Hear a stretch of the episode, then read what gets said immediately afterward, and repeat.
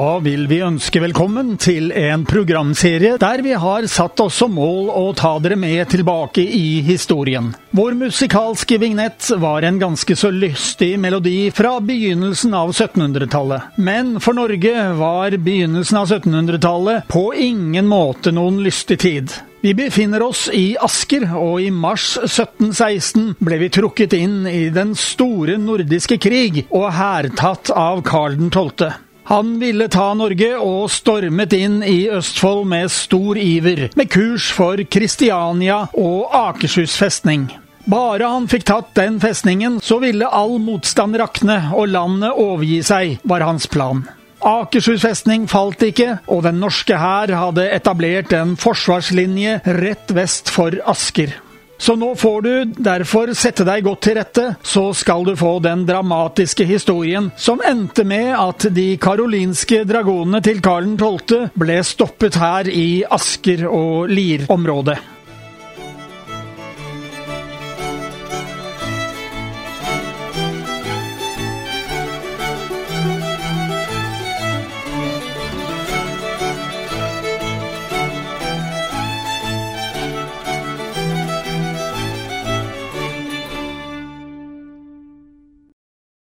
I forrige program så stoppet vi midt i Valstadalen, Vidar. Og nå er vi klar for neste etappe. Er du klar for å gå videre? Ja, det syns jeg vi skal gjøre. Og der vi passerer akkurat nå, er det som i dag heter Asker museum. Men den 23. mars i 1716, da de svenske dragonene for forbi, var det ingen bygninger akkurat her. I forrige program snakket vi med museumsbestyreren Fredrikke Hegnar von Owisch om hvordan eh, det så ut rundt her i begynnelsen av 1700-tallet. Det var jo noen gårder her, men ikke mange. Vi nevnte sist gang husmannsplassen Hvalstadhagan, litt lenger ned i veien her. Når den ble bygget, kan ikke jeg si, men eh, det vi leser om de øvrige husmannsplassene rundt her, og noen gårder også, er at de dukket for første gang opp i perioden fra 1770 til 1800-årene. Altså utover de eldste gårdene her i distriktet var det få å se her i 1716. På det gamle kartet du holder i hånden, Vidar, så ser vi at de store gårdene i området er tydelig avmerket. En av dem som er tydelig merket i nærheten av der vi står nå, er en som heter Ladebråten, som eh, lå litt lenger oppe i bakken. La oss spørre museumsbestyreren om den gården. Så I forrige program så, så vi jo på et maleri av Otto Walstad med utsikt eh, over der hvor eh, Kongeveien passerte. Og eh, Det som jeg merket meg, det var jo at vi så jo ingen små hus på det bildet. Det var noe Ja, det var vel fire store gårder vi så. Men hva med oppe i Otto Walstads vei? Der ble det jo også en gård etter hvert, men den var kanskje ikke her i 1716?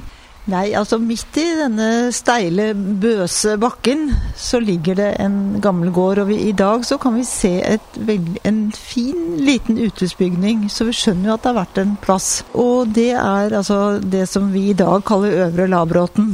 Der var det i sannsynligvis vært da en gård, eller en husmannsplass, mest sannsynlig fra 1802, rundt 1802.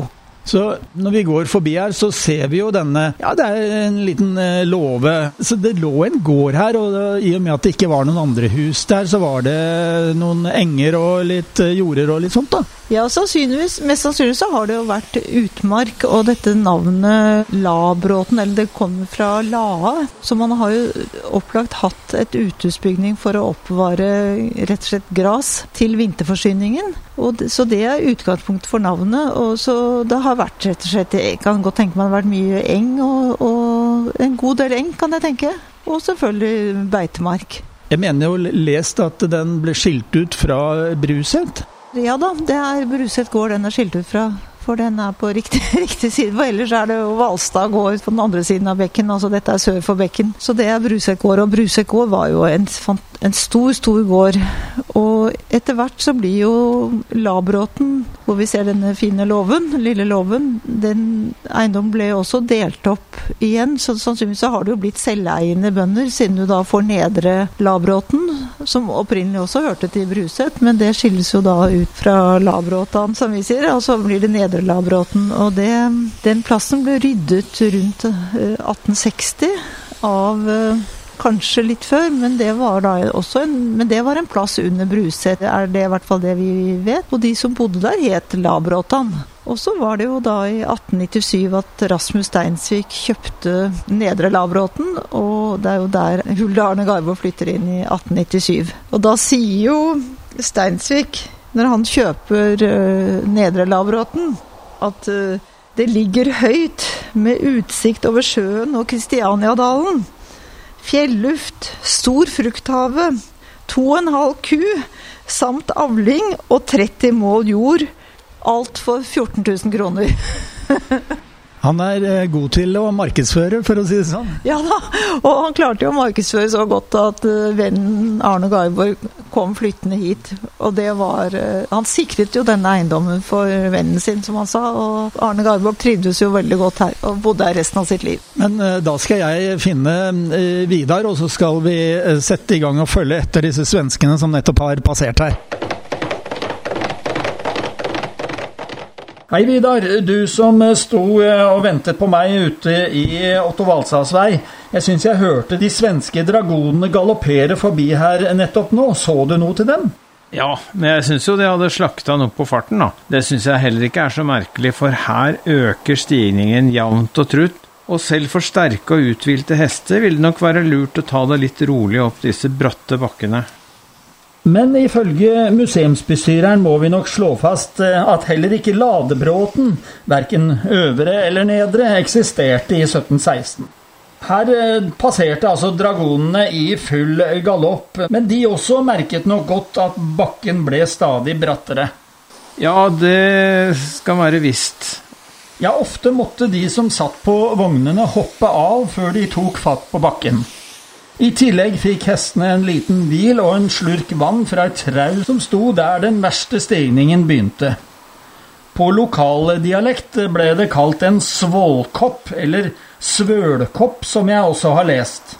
Faktisk var dette et så viktig sted langs veien at gården som etter hvert ble bygget her, fikk navn etter det vanntrauet som hestene drakk av. La oss høre med Fredrikke Hegnar von Obisch igjen. Ja, du nevnte at uh, den siste eh, enden på denne kongeveien uh, gjennom uh, ja, det som senere ble kalt for Kunstnerdalen, den var ganske bratt. Og, og, da kan det jo være greit for hestene å få seg noe å drikke og spise, holdt jeg på å si, før de tok den siste biten. Ja, og det er, litt, det er litt morsomt, for vi har her på museet så har vi et sånt gammelt sånn drikkekar eh, Eller ett som hestene Det var altså plassert flere steder langs Kongeveien. Og så sto det også en da før den bratteste bakken her i, i Kunstnerdalen. Og stedet, plassen, der hvor dette drikkekaret til hestene sto, det, det blir kalt Svålkopp. Og det er visst grunnen og, og den, eh, eh, det, det, er en gård altså, som het Svålkopp. og eh, Kan du si hvor, hvor, vi ser den? Ja, så I dag så ligger jo den Det er det første stedet ovenfor Ask museum. Ovenfor den største parkeringsplassen. Et brunt, stort hus. Med et lite uthus der òg, faktisk, som står igjen. Så der sto denne, denne, dette drikkekaret, da? Drikke, drikkekaret, ja. ja. Altså, vi må slå fast at heller ikke gården Svålkopp eksisterte da svenskene for forbi. Den kom senere. Men la oss uh, ta de siste stegene opp denne kneika. Vidar, nå har vi kommet opp til toppen av bakken. Jeg gjetter på at hestene til de svenske dragonene også merket det. Ja, det stemmer. Nå står vi på plassen Bøsen. Og jeg tror det ville være naturlig at de lot hester og dragoner hvile ut litt her på toppen.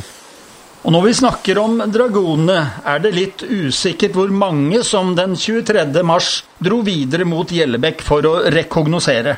Noen skriver at den svenske sjef for dragonene, oberst Dietrich Johan Løvenstjerna, sendte først av gårde 100 og holdt resten igjen på Ravnsborg. andre, og det var nordmennene på Gjellebekk. De mener at det var rundt 500 dragoner som kom. Det har vi fra rapporten de sendte til den dansk-norske kong Fredrik. Vi er vel så pragmatiske vi to at vi tenker at det var et tall sånn rundt midt imellom. Vi snakker mye om de svenske dragoner her, og ifølge vår militære ekspert Carl Emil Kristoffersen, så var det en vesentlig forskjell på dragoner og kavalerister. Generelt var dragoner eh, infanteri til hest.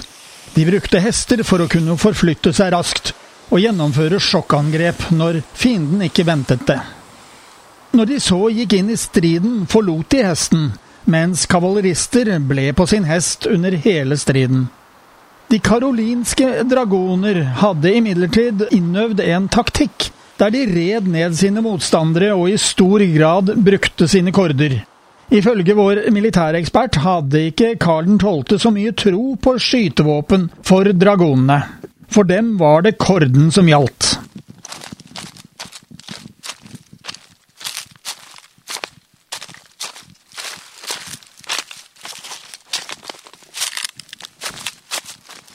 Vel, Vidar, nå har vi kommet opp bakken og til toppen. Her flater det ut. Men det er bratt opp hit, og du brukte uttrykket 'bøse bakker' i forrige program. Det er jo ikke akkurat et typisk eh, Asker-dialektuttrykk fra den norske landsbygda, men eh, det har blitt benyttet, ikke minst her. Ja, det stemmer. Vi står på plassen Bøsen, og jeg tror nok det ville vært naturlig at de lot hester og dragoner hvile ut litt her på toppen. Men denne plassen Bøsen var så vidt jeg vet ikke registrert som husmannsplass før i 1771, og da under Bruset gård. Den passerte vi jo lenger nede i Valstadalen. Men eh, vi haster videre, vi. Her følger Kongeveien dagens kirkevei bort til Asker kirke. Ja, her ser vi jo tydelig rekken av gamle askekaller på begge sider av veien, og også litt utenfor veien, hvor da det vises tydelig hvor den gamle kongeveien har gått. Men like borti veien fra Bøsebakken eh, finner vi i dag den lille gården Fjelken. Men i 1716 var Fjelken en storgård, delt i øvre og nedre. Men der vi går akkurat nå, har det ligget eh, nok en husmannsplass. Korsveien som har fått navn etter veien som tar av her og opp til storgården Skoum, eller Skaugum som vi ville sagt i dag. Korsveien går inn der Kongeveien kommer fra Bøsebakken og ut til Kirkeveien. Ja, jeg syns vi skal dvele litt ved den gamle gården Fjelken.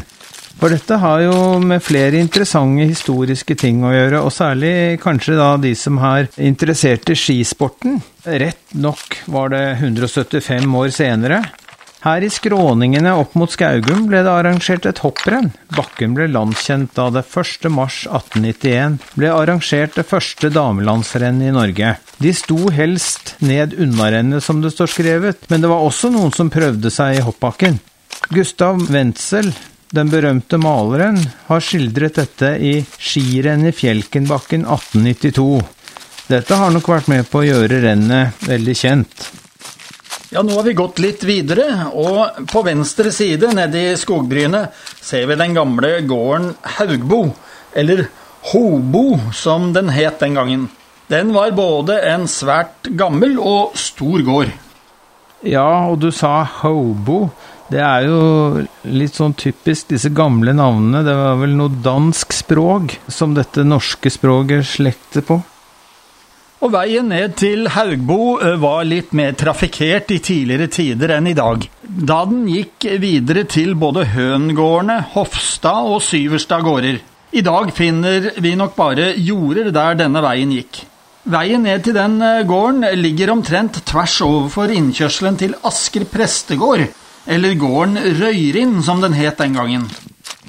Ved Asker kirke så tok kongeveien av fra kirkeveien vi har i dag. Den gikk eh, oppom kirken og ned forbi dagens Märtha-statue, og fulgte dagens Askervei ned til Askergårdene, både øst og vest. Begge disse var svært gamle og store gårder. Kongeveien gikk tvers gjennom tunet på disse gårdene, og her galopperte svenskene videre.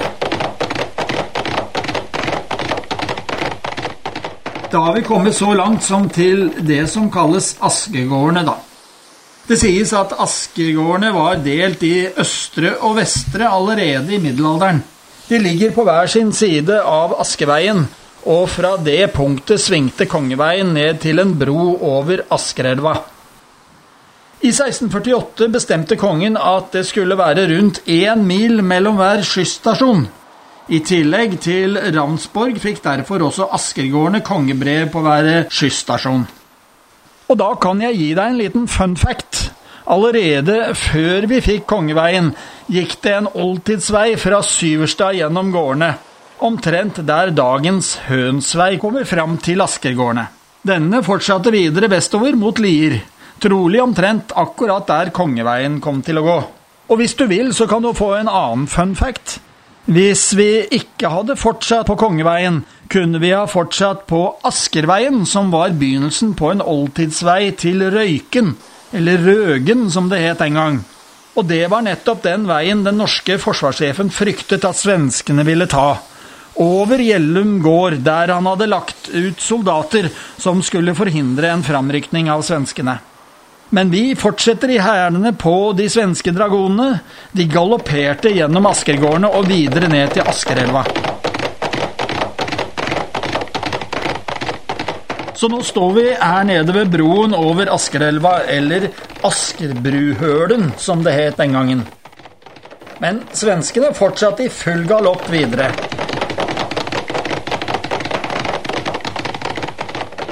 Herfra bærer det oppover det vi i dag kaller Askerbrubakken og Gamle Drammensvei. Den gamle kongeveien går rett som en strek rett opp de bratte skråningene. Og som vi nevnte i forrige program, ble svenskene skutt på ved flere anledninger. Jeg syns jeg kan høre skudd avfyrt mot svenskene som galopperer her foran oss.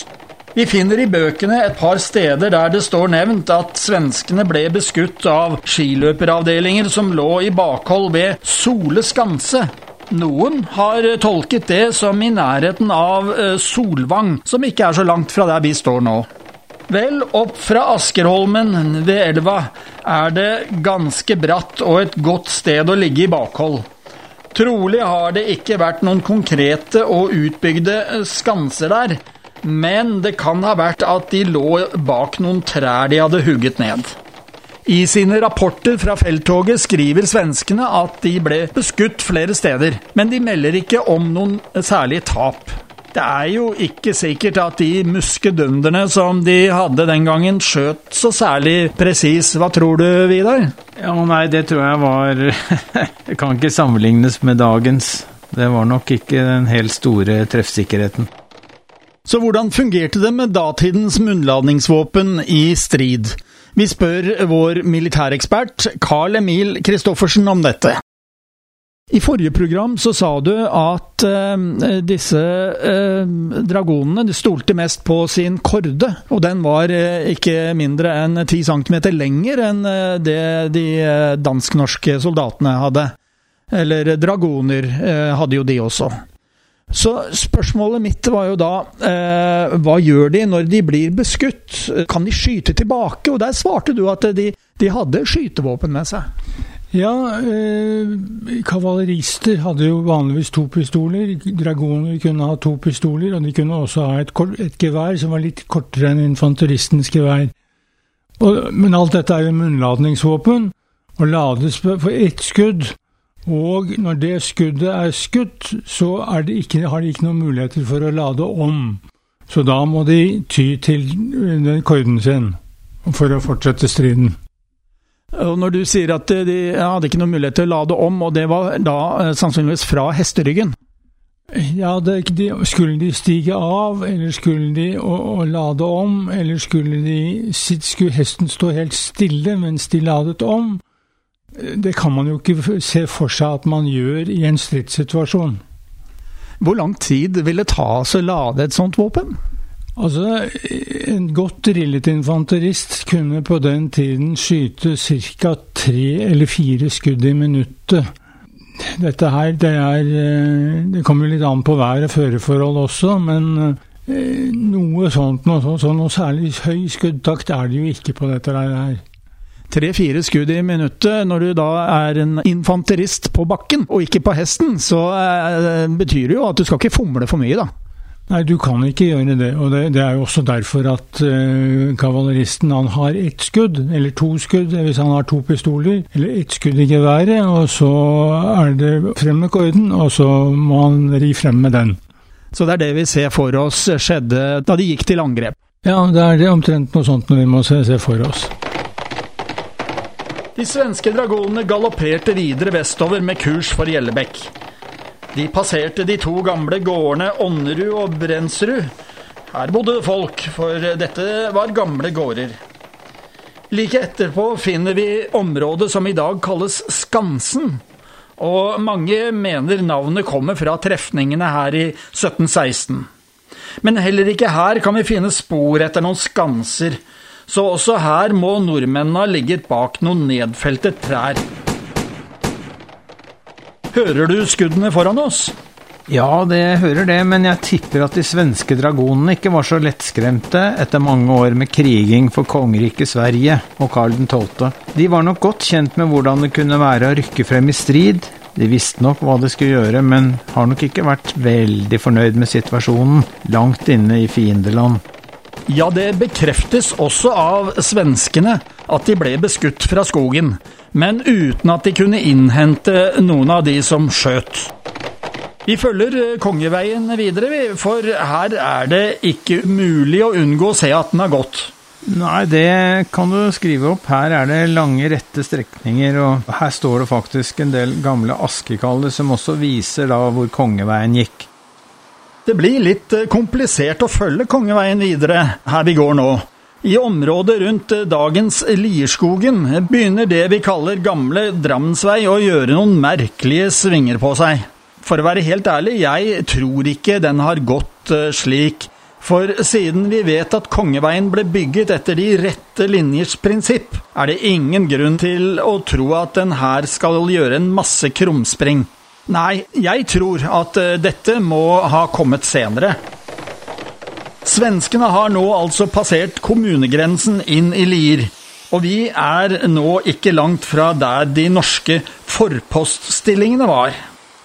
Ja, I vårt uh, hørespill nå, uh, Carl Emil, så uh, er vi nå rett foran forpoststillingene. Og svenskene er på vei de få hundre meterne fram til stillingene.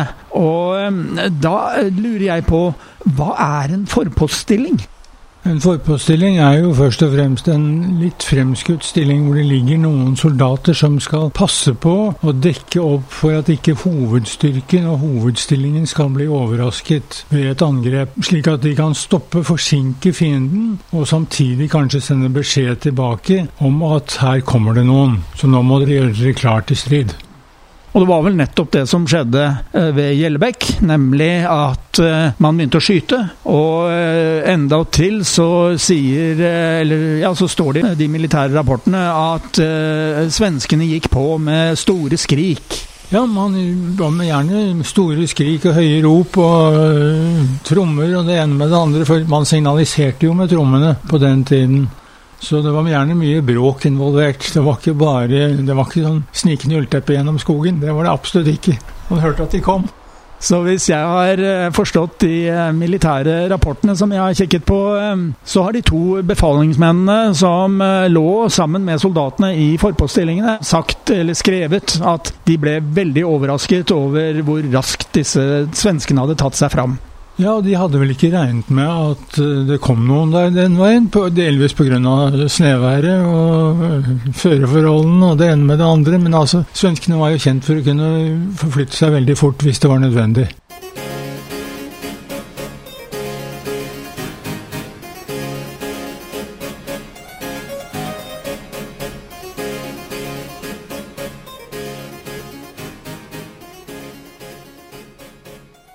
Mandagen den 23. mars i 1716 var en dramatisk dag for de som bodde langs Kongeveien i Asker. I uken før hadde tusenvis av norske soldater fulgt veien gjennom bygda. Denne dagen kom svensken i et vilt ritt langs etter veien.